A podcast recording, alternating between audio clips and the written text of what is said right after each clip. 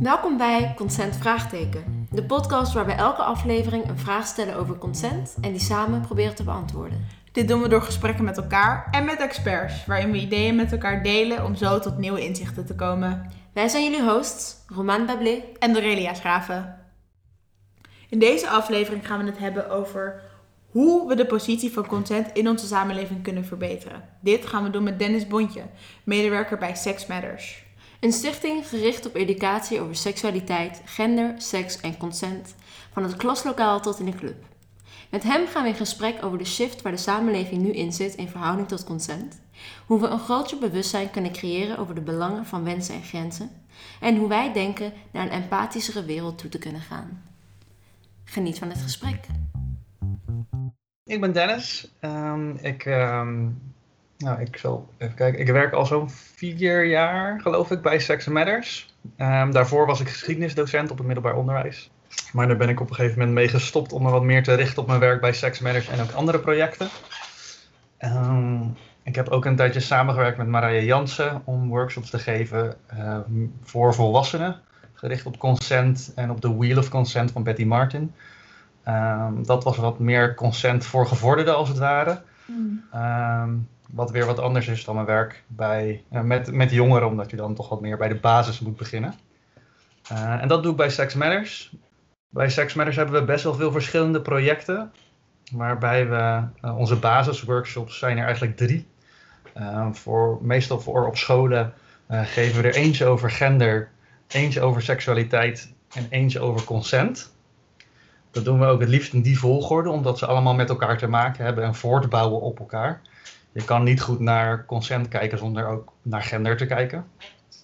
Maar we geven bijvoorbeeld ook workshops in het nachtleven. Hoe clubs ervoor kunnen zorgen dat er minder grensoverschrijdend gedrag en discriminatie in het nachtleven is. We geven ook workshops aan professionals, dus aan pedagogen en docenten eh, of hulpverleners. Hoe zij met jongeren kunnen praten of met hun cliënten kunnen praten over gender en seksualiteit. Met name toen ik daar begon heb ik heel erg veel workshops aan jongeren gegeven.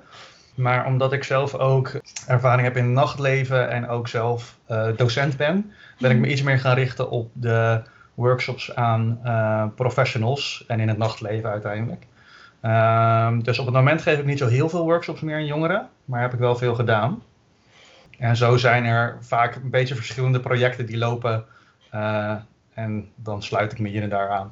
Ja, dat is eigenlijk al antwoord op onze eerste vraag. Want als eerste wouden we nou vragen van wat is Sex Matters eigenlijk precies? Wat houdt het in? Ja, kan je daar een beetje toelichting op geven?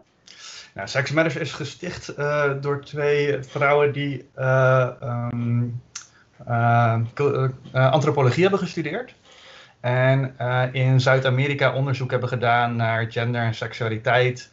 Ehm, en iemand heeft naar transsekswerkers in Brazilië gekeken en iemand anders naar queer tango.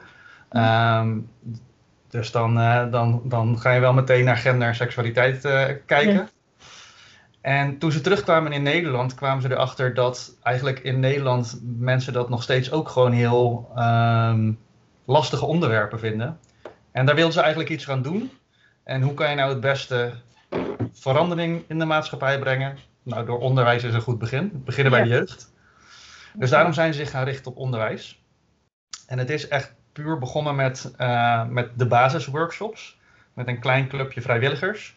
En langzaam maar zeker is dat uitgegroeid. Zijn er steeds meer vrijwilligers bijgekomen. eh, en ook een aantal mensen in vaste dienst. Ehm, en ehm, ja, met meer vrijwilligers en meer medewerkers komt er ook meer expertise in je team. En eh, zo zijn we ook meerdere projecten aangegaan.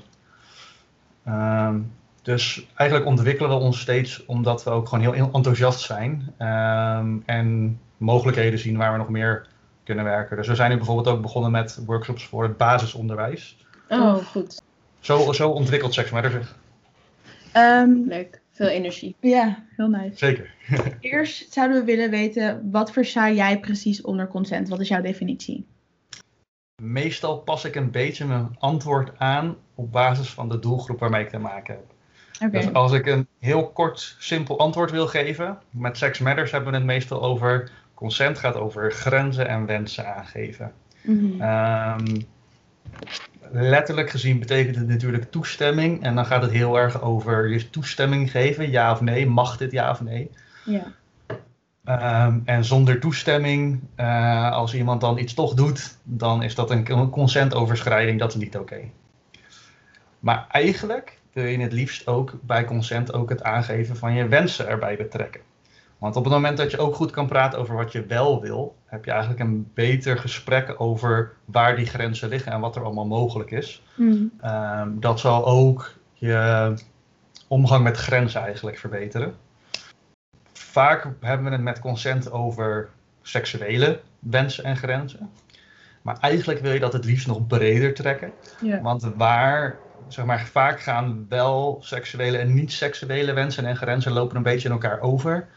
Heb je te maken met bijvoorbeeld groepsdruk. En ehm, daarom wil ik eigenlijk het liefst consent ook breder trekken naar bijvoorbeeld eh, niet-seksuele handelingen, een, een, een knuffel, ehm, en je vrienden eh, onder druk zetten om mee uit te gaan wanneer ze eigenlijk geen zin hebben. Dus eigenlijk het zo breed mogelijk trekken van het bespreken van wensen en grenzen en daar ook goed mee omgaan dus. Ja. Ja, daar hebben we het ook veel over. Dat het dan ook zorgt voor een cultuur waarin mensen gewoon vrij zijn om altijd te zeggen wat ze wel niet willen. Dus ook met seks. En ja, precies. ja. Ja, want het is in seks zo dat, dat mensen daar strenger op zijn omdat het meer opvalt. Maar eigenlijk leven we in een cultuur waarin het helemaal niet normaal is om grenzen en wensen aan te geven. Precies, ja. Maar dat is eigenlijk, ja, dat vloeit er dan ook een beetje uit voort. Maar waarom is dit onderwerp van consent zo belangrijk? Eh, het meest voor de hand liggende onderwerp is seksueel grensoverschrijdend gedrag. Mm. Ehm, de cijfers van eh, met name vrouwen die grensoverschrijdend gedrag op seksueel gebied meemaken zijn schrikbarend hoog. Bij mannen iets minder, maar nog steeds aanwezig. Ehm, dus het is gewoon een veel voorkomend probleem in de maatschappij dat er gewoon heel veel verkrachting en aanranding plaatsvindt. En om dat te stoppen moet je dit onderwerp gaan bespreken. Ja. Ik denk dat het ook nog verder gaat dan dat, want zoals jullie al zeggen, het komt eigenlijk in, in grote delen van de cultuur komt consentoverschrijding eigenlijk komt voor. Ehm, ik zelf zit bijvoorbeeld te denken aan überhaupt het aangeven van grenzen van mensen. We zien bijvoorbeeld ook nu in, eh, in Nederland eh, heel hoge gevallen van eh, mensen die een burn-out hebben, Mhm. mensen die overspannen raken. Ik zie daar ook wel een link naar consent. Mensen die het moeilijk vinden om hun grenzen aan te geven en daarom Ja. zichzelf overspannen werken. Dus ik denk, ik denk eigenlijk dat heel erg veel maatschappelijke problemen ook wel iets te maken hebben met consent. Voelen mensen zich vrij om te zeggen wat ze wel en niet willen en wordt er naar geluisterd, ja of nee? Ja. Ja, zeker. Ehm, hoe zie jij nu eh, de huidige maatschappelijke norm rondom consent? Dus hoe kijken we er als maatschappij naar? En, en ook daarop aansluitend, waar moet het heen? Nou, ik denk dat we nu echt op een kantelpunt zijn. Ja. Ehm, het feit dat jullie hier je, je profielwerkstuk over doen, vind ik bijvoorbeeld al heel hoopgevend. Ik merk dat, dat consent steeds meer een, een, een onderwerp is waarover gepraat wordt. ja. En een aantal jaar geleden was het aanzienlijk minder. En dit is absoluut de verdienste van de MeToo-beweging. Dat, dat is echt een groot succes van de MeToo-beweging. Consent staat op de agenda. Ehm, tegelijkertijd zorgt dat ook voor heel erg veel spanningen. Want veel mensen weten nu dat dit een ding is, Mm. maar snappen nog niet zo goed wat ze er dan mee moeten. Er zijn eh, een hele hoop mensen die zich echt hard inzetten om eh, verbetering te, te zoeken. En ook dit is heel, in, heel breed in de maatschappij. Er zijn bijvoorbeeld mensen in het nachtleven die hard werken aan een veiligere plek waar aanranding niet zo standaard is als dat het in, op sommige plekken wel is. Ja. Maar denk bijvoorbeeld ook aan medische professionals die nu zich meer bewust raken van, oh wacht, als ik mijn eh, patiënten aanraak, kan dat best wel heftig zijn. Misschien moet ik eerst van tevoren expliciet toestemming vragen eh, voordat ik iets ga doen. Consent in opvoeden met kinderen. Mm. Eh, kan ik mijn kind zomaar oppakken en knuffelen wanneer mijn kind er geen zin in heeft, zeg maar. Dus er zijn heel veel mensen die hier nu bewust mee bezig gaan en ehm, hier ook artikelen over schrijven en, en, en handleidingen als het ware. Ja. Tegelijkertijd zijn er ook heel erg veel mensen die eh, het echt nog niet, die echt gewoon niet zo goed weten wat ze hier nou mee moeten. Ja. En mijn grootste zorg daarbij is eigenlijk de, hoe zeg je dat? De een beetje reactionaire mannen. Mm. Mannen die denken, oh jee, we mogen ook niks meer. Eh, ik moet nu eh, voor iedere aanraking moet ik expliciet verbaal toestemming vragen. Waar gaat het heen? Die een beetje in de verdediging schieten. Ja. En ik vind het ergens ook wel een begrijpelijke reactie. Want om je heen, en dat ook zeker als man, om je heen hoor je overal verhalen van mannen die het verkeerd doen. En die worden volledig aan het kruis genageld. En dat zijn verschrikkelijke mannen. Maar tegelijkertijd hoor je nog niet zo heel veel hoe het dan beter kan. Dus dat is, dat is ook wel een, een, een soort van enge positie voor mannen om zich in te begeven. Ik weet niet precies hoe het moet, maar als ik het fout doe, dan ben ik echt de slechterik. Ja. Ja, door cancel culture en alles. eh. Precies, ja. Ja, dus dat is, ik denk dat dat de grote uitdaging is om hen ook eh, erbij te betrekken en zich veilig genoeg te laten voelen om hier het gesprek over te voeren. Om het ook te hebben over eventuele fouten of moeilijkheden. Ja. Ehm, maar tegelijkertijd ook wel stelling innemen over het belang van consent en hoe je daar dus goed mee omgaat. Ja, zeker. Mhm. 100% mee eens. En hoe, hoe doe je dat? Zeg maar, hoe gaat ja, zo'n workshop in de praktijk van bijvoorbeeld in het nachtleven of op, op school? Zeg maar, wat voor workshops doe jij dan specifiek? Nou, ik, heb, eh, ik, ik geef nu nog het meest de workshops aan professionals en in het nachtleven. Maar ik heb dus ook al veel op scholen eh, de, de consent workshops en de andere workshops gegeven. En met jongeren werken we wel iets anders dan met volwassenen. Omdat volwassenen vaak wel iets meer op de hoogte zijn van dingen. Ehm, dus in het nachtleven, mensen die in het nachtleven werken. Ik wilde zeggen, de meeste mensen zijn zich al wel bewust van de dingen die in het nachtleven gebeuren. Maar ook in clubs zijn nog best wel veel medewerkers zich niet bewust van wat er allemaal Ja. gebeurt. Dus vaak het eerste waar we, waar we dan een workshop mee beginnen. ehm, een oefening die bij sommige mensen wel bekend is, namelijk eh, over de streep. Ja. Waarbij je steeds een stap naar voren of naar achter doet op basis van de ervaringen die je hebt gehad. En daarmee ehm, creëren we een beetje inzicht in het team wat voor dingen verschillende mensen meemaken. Waarbij je ziet dat sommige mensen heel andere dingen, een heel andere ervaring hebben in de club dan andere dingen. Waarbij het vaker toch wel weer op neerkomt dat de witte cis-hetero mannen helemaal vooraan staan en eigenlijk weinig vervelende ervaringen hebben. Mhm. Terwijl vrouwen van kleur, trans mensen, eh, niet-hetero mensen, die hebben vaak een veel minder veilige tijd. Mm. Ik denk dat dat besef heel belangrijk is. De, de, de intersectionaliteit, dus de invloed van verschillende identiteiten op ook je ervaring van consent, Ja. is een belangrijke om mee te nemen. Dat is bij, voor volwassenen vind ik dat altijd heel belangrijk. Bij jongeren, als we echt een groep van, van 16-jarigen hebben, is dat soms nog een beetje te ver gevorderd. Moet je nog een stapje terug doen.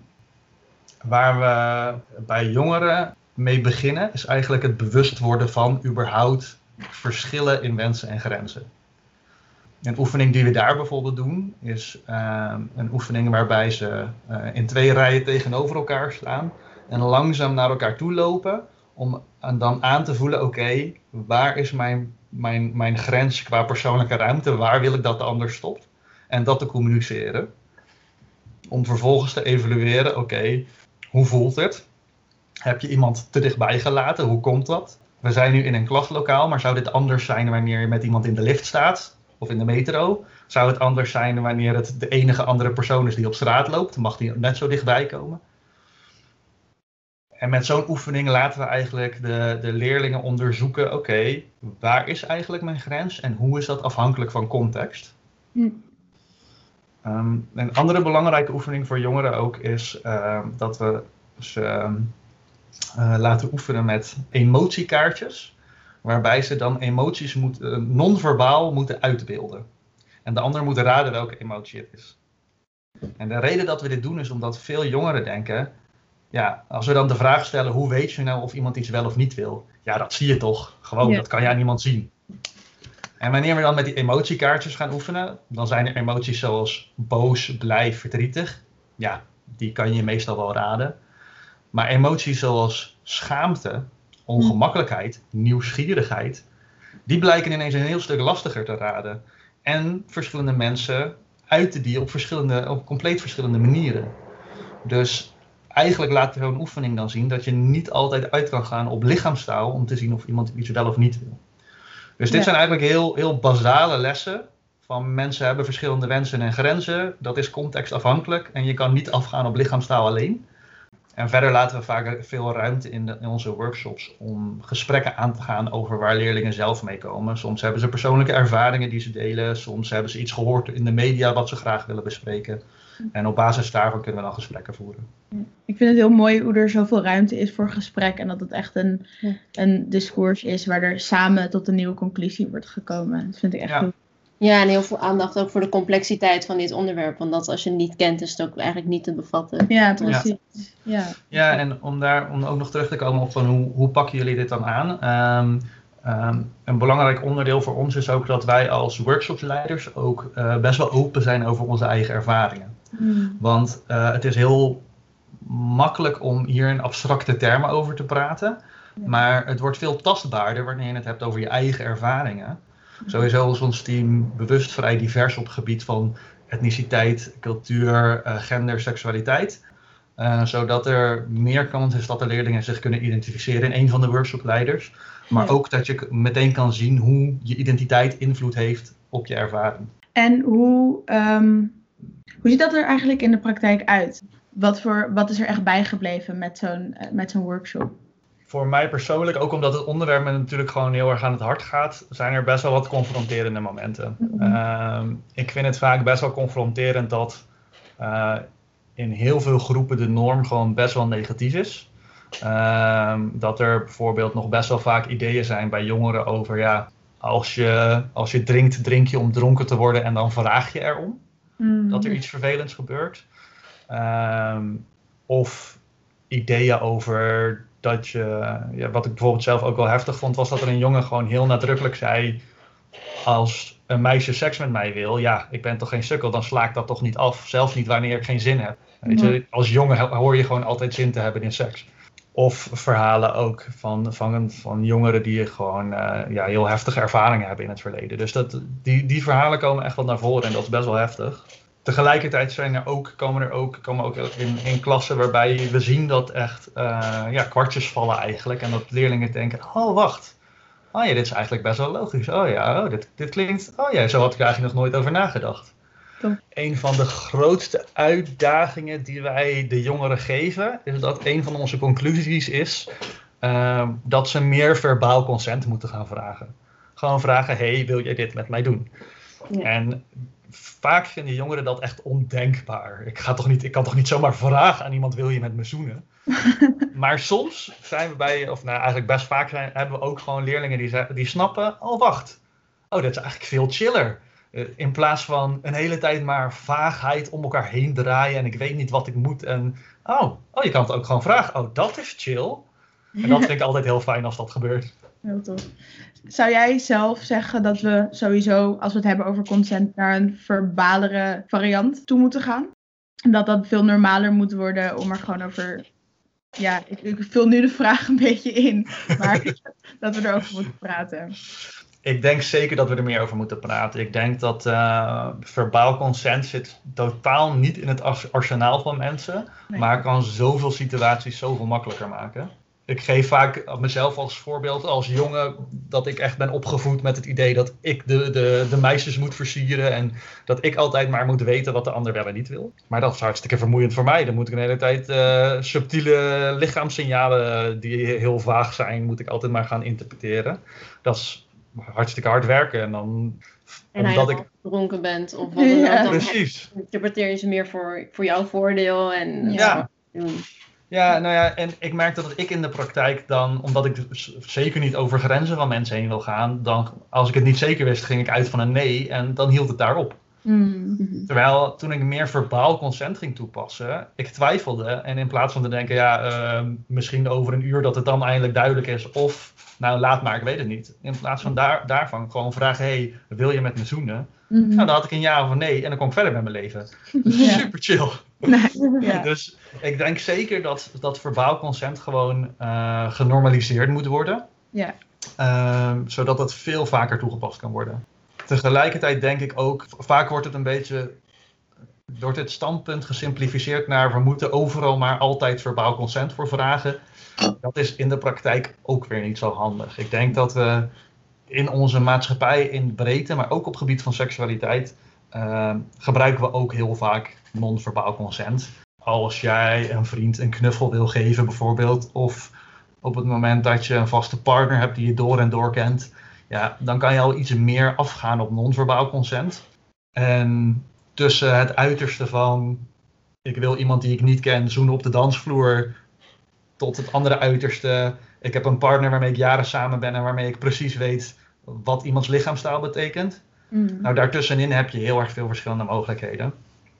Ehm, ik zelf gebruik ook absoluut uh, non-verbaal consent. Uh, ik geef va- soms non-verbaal consent, maar ik lees soms ook non-verbaal consent bij andere mensen die ik een beetje goed ken. Dus ik denk dat vooral uh, verbaal consent, vragen wil je iets, dat het vooral heel handig is in situaties met mensen die je nog niet zo goed kent. Mm. Of met mensen die je al wel goed kent, maar waarbij je iets nieuws of iets spannends voorstelt. Mhm. Um, dus met mijn partner, waarmee ik bijvoorbeeld heel lang samen ben, voor een knuffel hoef ik geen consent meer te vragen. Ik weet wel dat mijn partner daar meestal wel voor in is. Maar als ik bijvoorbeeld iets meer speciaals wil doen, nieuwe seksuele dingen, uh, ja, dan moeten we het daar wel eerst over hebben. Ja. Ja. Ja. Uh, je had het er net al ook een beetje over dat, je, um, dat jullie persoonlijke verhalen uh, gebruiken om het zeg maar, wat relatable te maken naar de mensen aan wie je de workshop geeft. Um, wat voor verhalen uh, vertel je dan, als ik vragen mag? Ik ben daar wel benieuwd naar. Nou, het verhaal wat ik net vertelde over hoe, hoe het mij opluchtte om gewoon duidelijkheid te hebben van verbaal consent, dat vertel ik bijvoorbeeld vaak. Een ander voorbeeld wat ik vaak vertel is dat ik een keer een date had met iemand die van tevoren aangaf: Ik wil niet bij je blijven slapen. Toen werden we dronken, toen miste hij zijn trein en uh, toen bleef hij toch bij me slapen. En, toen, en, en dat hij toen seks wilde. Mm. Um, maar omdat hij nuchter had aangegeven dat hij dat niet wilde, ging ik daar niet op in. Nou, dit is bijvoorbeeld een, goede, een goed onderwerp of een goede aanleiding om het te hebben over consent wanneer je onder invloed bent van iets. Ja. Want hoe reageerde uh, die persoon erop toen je dus nee zei, omdat die nuchter had gezegd van niet? Oh ja. Ja, een, een klein beetje teleurgesteld of afgewezen, maar ook niet heel erg. Mm. En daarna was alles gewoon weer chill. Dus Ja, oké. Ja. ja, was ook niet zo'n big deal. En je had er net nog heel even over, over uh, zeg maar die intersectionaliteit. Hoe uh, werkt dat mee aan consent en consentoverschrijdingen? Zou je daar kort toe kunnen lichten? Hoe speelt volgens jou gender mee? En misschien gewoon intersectionaliteit in zijn algemeenheid mee aan consent en hoe we dat bekijken in onze samenleving?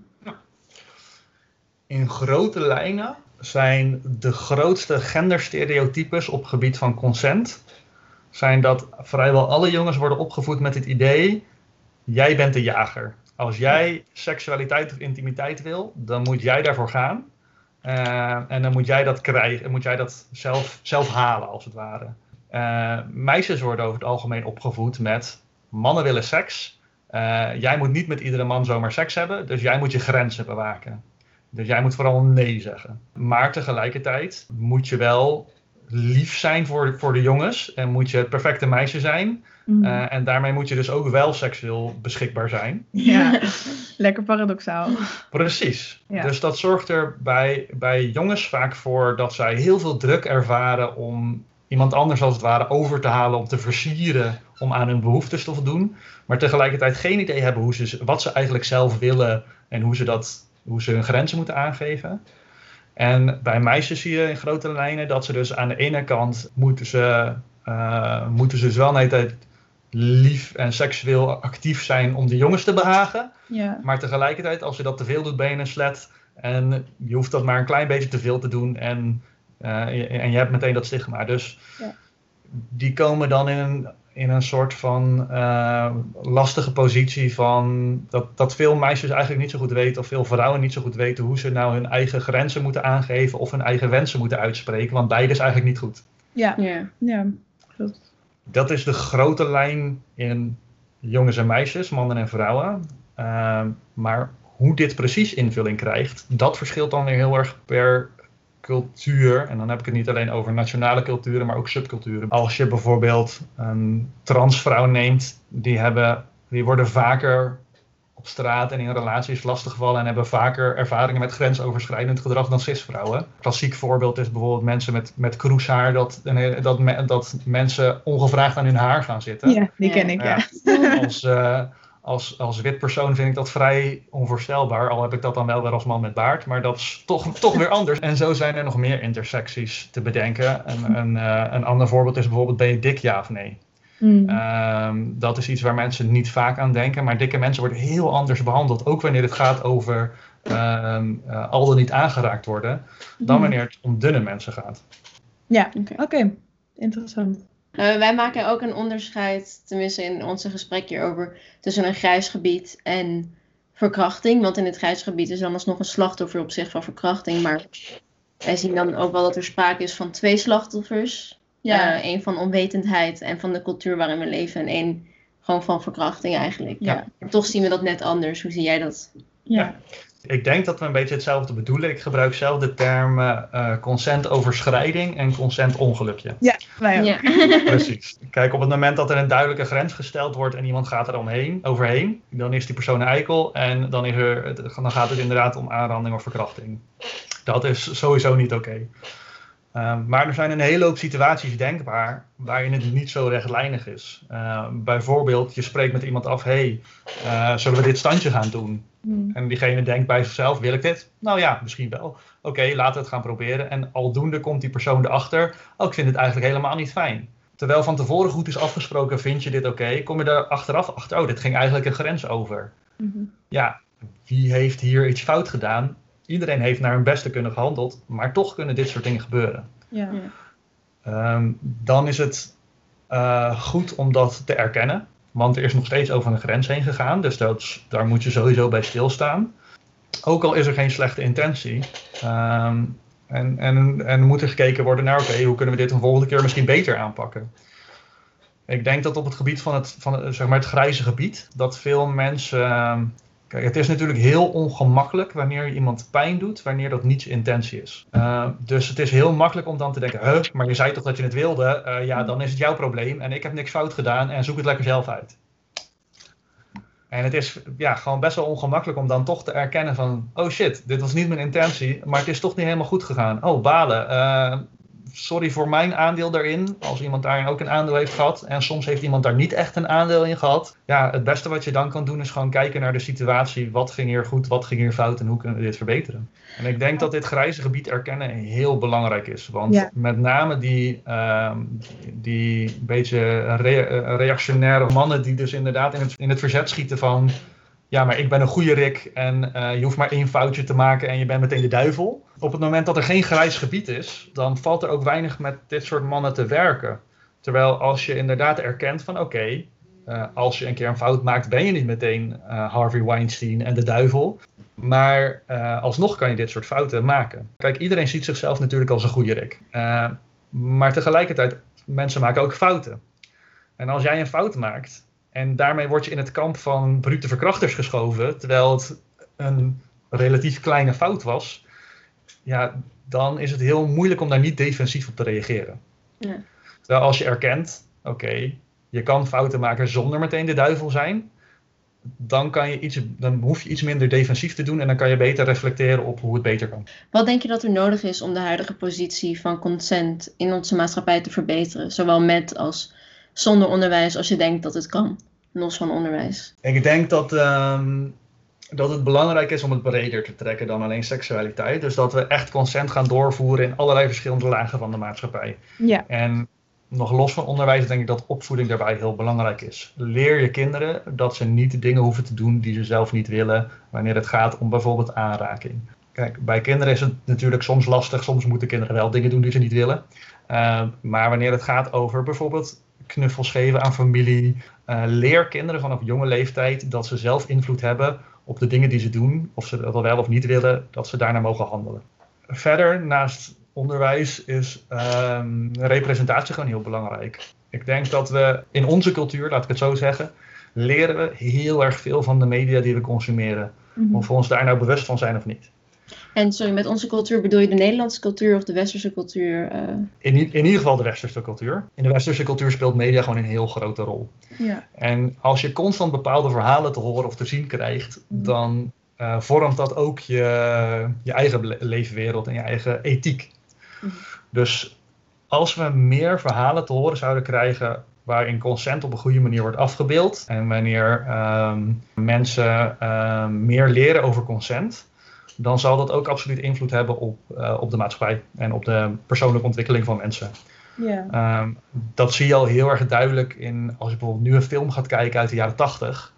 oh, het is niet om aan te zien. Dan heb je films waarbij mensen gewoon echt, waarbij een meisje heel duidelijk nee zegt en waarbij dan de hunk van het verhaal toch ja doet, want dat is romantisch. Ja, ja, ja. Ja, dat is nu echt al anders gelukkig. En ik denk dat dat deels een reflectie is op de maatschappelijke ontwikkelingen, maar dat het deels ook een motor is achter vo- vervolgontwikkelingen. ja. ja. Dus ik denk dat representatie in media, films, verhalen, dat het ook allemaal belangrijk is. En verder nog de meer journalistieke kant. Hetgeen wat jullie nu zelf ook doen. Podcasts, gesprekken hierover. eh, om, om echt het thema verder te gaan onderzoeken. En nog een laatste. Voor mensen die denken van nou, ik vind dit belangrijk, maar ik ben geen docent en ik werk niet in de media. Ik denk dat het ook, dat mensen vaak onderschatten hoe groot de invloed is van het leiden door het goede voorbeeld te geven. Want als je je vrienden dit ziet doen, als je je partner dit ziet doen, dan denk je ineens, oh, dus zo werkt dit. Dit is een optie, dit kan dus, oké, tof. Ja. Dus ook, zo kan ook één individu eh diens omgeving al, eh, al beïnvloeden. Ja. Ja. Ja, Ik denk dat wij dat ook wel merken in onze omgeving. Dat wij hierin zijn gaan verdiepen. En dat het veel normaler is, in ieder geval tussen ons twee, om gewoon te zeggen: nee, daar heb ik geen zin in. Of niet Ja. vandaag. En dat vragen, ook als het gaat om een knuffel. En dat is ook wel eh, heel belangrijk. Inderdaad, je merkt heel snel dat het meteen overslaat. Niet per se dat iedereen dat dan ook gaat doen, maar dat er veel meer begrip is als jij zegt van... Nee, sorry, daar heb ik even geen zin in. Dat ze meteen weten van, oh, oké, jij bent hiermee bezig. Ik weet wat het betekent. Je bedoelt het niet persoonlijk. Ja, en dat is al eigenlijk een wereld van verschil. ja, ja, Ja. precies. Ik denk dat inderdaad wat je nu aanraakt, dat dat vaak voor mensen die nog niet zo bekend zijn met consent, en ook voor mensen die er wel mee bekend zijn, dat dat eigenlijk het uitdagendste is. Dat op het moment dat jij nee te horen krijgt, dat het niet altijd zo persoonlijk is als mensen, dat je het op, als mensen het opvatten. Ja. Iemand kan honderden redenen hebben om op dit specifieke moment niet een knuffel te willen. Ehm, dat heeft er niet altijd mee te maken dat diegene jou een stom persoon vindt. Ja, ja. Heel soms wel, maar vaak ook niet. Ja, het wordt heel vaak betrokken tot ego. En ik denk dat dat is iets wat we gewoon heel erg los moeten laten met Ja. z'n allen. En dat is En- wat. Ja. Maar ook daarin, en, en oké, dit is misschien een moreel standpunt dat niet iedereen met mij deelt, maar ik heb liever dat iemand eh, hun grenzen aangeeft en dat ik daarbij word afgewezen, Ja. dan dat ik over iemands grens heen ga en daardoor en, en tegelijkertijd mezelf goed over mezelf voel omdat ik heb gekregen wat ik wil. Ja. Ja. Ja. Ja. dan heb ik liever dat ik word afgewezen, hoe pijnlijk dat ook kan zijn. Goed, mooi standpunt. Ja. Ja. Niet moeilijk om eh, achter te staan. Nee, precies. Helemaal eens. Ja. Dan willen we je heel erg bedanken voor je deelname. Graag Dat was een gedaan. heel fijn gesprek en eh, Ja, we hebben veel erg. geleerd. Ja, Cool. dankjewel. Dus we hebben net eh, met Dennis Bondje gesproken. En dat was echt een heel erg fijn gesprek, vond ik. En Mhm. we waren het echt helemaal eens. Dus wat vond jij? Ja, ik vond het nice. Eh, ook, we waren het heel erg eens, maar ik heb ook veel geleerd en ook veel nieuwe inzichten gehad. De vraag die centraal stond was, ehm, is de positie van consent in onze samenleving veranderbaar? Hoe zie jij dat? Wat, wat haal jij uit ons gesprek? Uit ons gesprek tussen jou en mij hadden we al eigenlijk geconcludeerd van wel. Ja. En ook met Dennis wederom was het eigenlijk weer van... Ja, hij is veranderbaar. Want hij is nu aan het veranderen. Ja. En wat hij ook zei, dat, dat is echt heel erg te danken aan de MeToo-beweging. Dat, dat taboe werd gewoon fucking ruig Ja. opengebroken. En zoals we al in de tweede aflevering uitgebreid hebben besproken, ehm, heeft het ook zijn keerzijde, de MeToo-beweging. Maar in ieder geval, wat het heeft opengebroken, dat is echt, dat is te gek. En dat is denk ik echt waarom we nu in die shift zitten. Precies. Die we nodig hebben om naar een samenleving te gaan die beter omgaat met grenzen en mensen. Ja, 100%. Ik bedoel, hij zegt het ook. ehm, we zitten op een kantelpunt. De oude verhalen over eh, wat verkrachting is en wat grensoverschrijdend gedrag is en wat consent is, hebben we achter ons gelaten. Of zijn we in ieder geval in the process of, weet je wel, achter ons laten.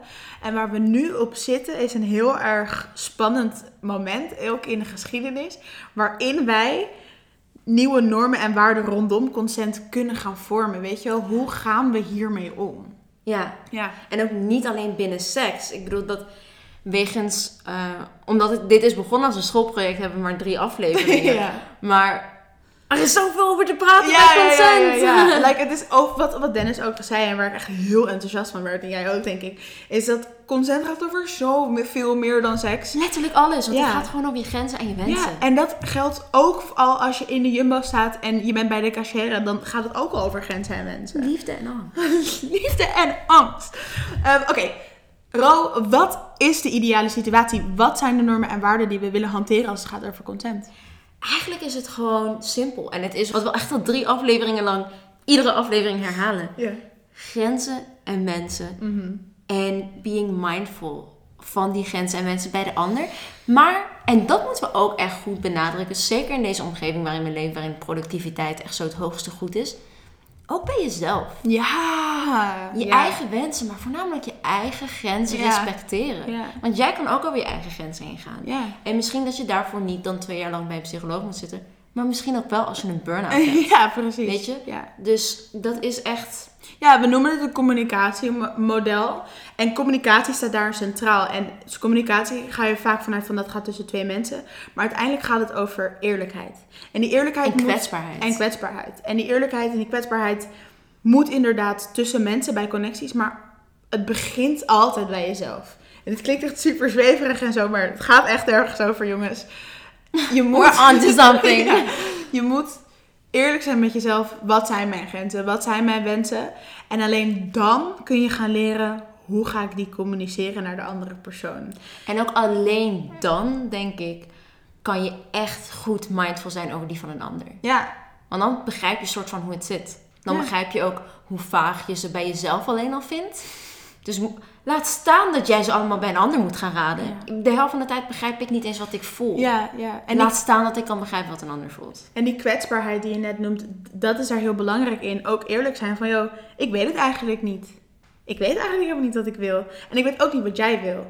En daar verbaler over zijn, is ook oké, weet je. Ja. Dat, dat vragen en dat zeggen, dat dat gewoon allemaal oké is. Ik, ik, ik hoop echt ontzettend dat we daar naartoe aan het werken zijn. En ik denk dat met stichtingen zoals Sex Matters, dat dat echt een manier is eh, waarop ik denk, een beetje socialisatie. Want we willen dit natuurlijk overbrengen op de volgende generaties. Ehm, ja, Het begint bij, bij onderwijs uiteindelijk. Eigenlijk bij opvoeding. Eigenlijk bij Als opvoeding. we echt even helemaal teruggaan naar sowieso wat Dennis zei, maar ook wat wij eigenlijk ook besproken hebben. En waar trouwens ook heel veel goede TED-talks over zijn. Super interessant om naar te kijken. Mhm. Ehm, of naar te luisteren. Is inderdaad consent bij opvoeding. Want het is natuurlijk een fine line. Want je moet natuurlijk opvoeden en je kind dingen bijbrengen. Zoals helaas, als het min 5 graden is, moet je toch echt een jas aan. Ik begrijp dat je dat niet wilt. Ik wil ook in mijn bikini zitten. ja. Maar helaas moet je toch echt een Ja, jas ja, aan. ja. En, maar dat is dan ook. Op, op zich leer je je kind dan ook omgaan met wanneer je toch iets moet doen waar je niet echt zin in hebt. Wat ook gewoon moet in het leven. Mhm. Maar ook in hoeverre. Maar zeker als het gaat om aanraking, hè? Ja. Weet je, wij leren op van kinds af aan, en wij zijn echt niet de eerste die dit zeggen, maar als jij eh, bij je familie bent en jij moet die, die vieze oom eh, een knuffel geven elke keer, terwijl je daar helemaal geen zin in hebt, dan leer je en eh, onbewust, jij moet die, jouw aanraking aanpassen aan iemand anders.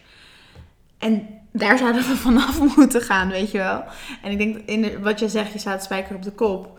Dat begint bij opvoeding en dat begint bij, bij, ook bij de opvoeding daarover praten. Ja, en even terug naar die TED-talk van Monica Rivera. Ehm, over, het heet Body Sovereignty and Kids: How We Can Cultivate a Culture of Consent. En dan heeft ze het over hoe zij dat zelf ook doet in haar eigen opvoeding met haar kinderen. En over dat ze dan bijvoorbeeld een ding is, zoals als ze dan haar kind moet gaan wassen, dan is het zo van: oké, het lichaam gaat gewassen worden. Wil jij het wassen of wil je dat ik het was? Dan is het zo van, dan heeft het kind de keuze om wie het lichaam wast. Maar er zit ook wel dat van, het lichaam wordt wel gewassen. En ik denk dat dat een hele goede manier is om je kind consent bij te brengen. Terwijl je wel gewoon ook aan het opvoeden bent. En gewoon alsnog eh, de overhand hebt. Zeker Ja. ook als je kind jong is, dan moet je dat wel Ja. hebben. Ehm, maar ook een ander ding wat ze deed. En ik, dat, is, dat gaat denk ik ook op, op wat Dennis op het einde zei. En wat wij ook heel erg geloven van. En wat we ook hebben ondervonden, hoe meer wij into eh, consent en een consent culture kwamen. wij zijn heel mindful van elkaars grenzen en mensen, maar de mensen om ons heen ook steeds meer, denk ik, van ons en wij van die van hun. Ja. En dat zien ze ook. En dat zei zij dus, eh, Monica Rivera ook, dat ze dan als ze aan tafel is met de kinderen en haar vrouw, ze weten eigenlijk, de vrouw en zij, dat ze gewoon van elkaars drank kunnen drinken. Ja. Maar als de kinderen erbij zijn, vragen ze het toch. En Mhm. soms dan zeggen ze ook van, nee, sorry, daar heb ik nu even geen zin in. Of niet eens sorry, maar gewoon, nee, daar heb ik nu even geen zin in. Dan leer je ook dat nee is geen big deal. ja. Like, het is echt fijn. Het is echt prima. Het- Like, het het, is- woord het is er voor een reden. Ja, en het zegt niks over jouw waarde of, of hoe veel de ander van Ja. jou houdt of zo. En ik denk een soort van... Want we hebben het over consent. Maar we hebben het over iets veel breders. En we hebben het uiteindelijk over de manier waarop ego zo'n grote rol speelt in onze samenleving. De reden dat, dat nee het ergste is om te horen, is omdat het meteen is: oh nee, ik ben niet goed genoeg, je wilt mij niet. Zeg maar, je wilt niet, je, mijn eten vind je vies, of, of je wilt geen seks met me hebben. Weet je wel, dat zijn dezelfde dingen. Het is: oh, ik ben niet goed genoeg. En daar zouden we heel erg vanaf moeten gaan. Ehm, En dat komt ook heel erg, ik bedoel, het is allemaal van invloed op elkaar. Maar het, we leven dus in die taboe-cultuur en we hebben al besproken wat de gevolgen daarvan zijn. Maar ook in de cultuur waarin je zelfwaarde en je zelfliefde allemaal afhangt van je prestaties. En daarmee eigenlijk van allerlei factoren buiten jou om. Terwijl nee, het zit in jou. Dus of een ander nee tegen je zegt, zegt niks over jou. Ja. Ik vind het zo leuk hoe we echt zo ineens lijpe space hippies zijn geworden in deze aflevering. Ja, dus inderdaad, ik heb, we hebben net gezegd over hoe opvoeding dus bijdraagt aan dat communicatiemodel en gewoon de samenleving waar we heen willen. En dus het goede voorbeeld geven, hoe dat dus ook zorgt voor onbewuste en bewuste socialisatie, maar dan ook het onderwijs. Ja, en in het onderwijs, ik, ik zou zo graag willen dat er in seksuele voorlichting gewoon aandacht wordt besteed aan consent. Wij hebben er totaal geen, en wij hebben best een goede seksuele voorlichting gehad, maar ik heb er in ieder geval totaal geen aandacht Ja, aan besteed. ik kom uit een hele progressieve bubbel. Ja, en En- gewoon niks over consent en niks over wat wil ik eigenlijk. En dat zou zo'n verschil maken. En heel, heel oké, is heel even samenvattend. Wat willen we? We willen, we willen praten, we willen eerlijkheid. Ehm, en ik denk dat de enige manier om daar te komen is door onze volgende generaties en ook de generaties om ons heen, weet je, iedereen op te voeden met het idee dat eerlijkheid mag. Ja, en inderdaad, wij dachten aan het begin van, van het maken van deze podcast en van het lezen van artikelen en alles. Dachten we heel erg van, oh, we hebben echt een shift in bewustzijn nodig over consent en grenzen en mensen. En dan kunnen we de goede kant op gaan als samenleving en een soort culturele shift hebben. Maar waar we gaandeweg achter kwamen is, wij zitten daar nu in eigenlijk. En in hindsight denk ik, ja, tuurlijk. Ja, de reden dat wij deze podcast maken is, Is omdat we erin Ja, zitten. Het is niet ja, alsof we echt zo voorlopers zijn. ja. Maar ja, het is dus nu gaande. En we zijn eigenlijk, als je kijkt naar hoe lang maatschappelijke veranderingen duren. En we zijn like in de, in de baby steps ervan. In Mm. de eerste, mo- eerste uren Ja. ervan. En Echt een cruciale tijd ook. Ik denk dat het nu, want wij zijn heel idealistisch en hoopvol, maar het kan elke kant op. En wat ik denk dat we moeten onthouden is dat we need to live it, weet je. Wij moeten het gaan implementeren in ons leven. ja, Gewoon vragen, hey, is dit oké? Of gewoon aangeven, nee, dit is niet oké, weet je. ja, Je moet het gewoon gaan doen. ja. En ook als je erbij stilstaat, is het ook. Kijk, cultuur, dat bestaat natuurlijk uit allerlei gedragingen en. En opvattingen en denkbeeldingen. Inderdaad. Denkbeelden en... Ja, van mensen en hun eigen identiteiten. En die zijn dan op hun beurt weer gesocialiseerd door andere mensen. Maar goed, dus cultuur bestaat eigenlijk uit mensen. En andere mensen. En nog meer mensen. en mensen veranderen ook. Eh, Toen je 25 was, ben je, was je niet dezelfde persoon als toen je 15 was. Of als je 85 wordt. En ehm, dus dan is het ook heel logisch dat, nou ja, cultuur is dus ook dynamisch. Het verandert ook. En enigszins staat het vast omdat mensen zich daarnaar schikken. En anderzijds verandert het ook om de zoveel tijd. Of is het gewoon fluïde. Mhm. En ook als je er weer stilstaat, consent. Of nou, laten we dan zeggen, seksualiteit is een onderdeel van het mens zijn. Zoals je hebt een erotische zelf. Ehm, Sommige mensen ook niet, in, Ja. maar dat is dan deel van hun erotische zelf. Precies, ja. En, ehm, en, dus dan, en zo is dan seksualiteit een soort van de erotische zelf van de grote maatschappelijke identiteit, weet je wel. En bij dat, bij dat onderdeel van seksualiteit zit dus ook dat onderdeel van consent. En dan is dat natuurlijk ook dynamisch. Want het is onderdeel van, van een geheel, wat ook al dynamisch is. Ja. En dat vind ik ook inderdaad hoopvol. Dat we kunnen alle kanten op gaan. En daarom moeten we ook inderdaad waken dat we niet te diep gaan in de cancel culture en in Ja. de angstcultuur. Want Ja. je wilt niet Heb dat je dan dat de overcorrect? ja, precies. Want we blijven mensen. Ja. We gaan fouten maken. En het is niet dat die fouten ook, zeg maar, niet Oké erg zijn, nee, precies. Ja, maar ze mogen gemaakt worden. Ja. Zolang er rouw is. Zeg maar, zolang er niet rouw... ehm een Fout- zekere spijt is. ja, spijt. Zeg maar fouten maken en daarvan willen leren. Ja, Eigenlijk. Ja. En dat brengt me ook naar, ehm, naar het volgende onderwerp. Is dat ik ook wil zeggen van... We hebben het nu heel erg over een soort toekomstig... eh, ideaal toekomstbeeld.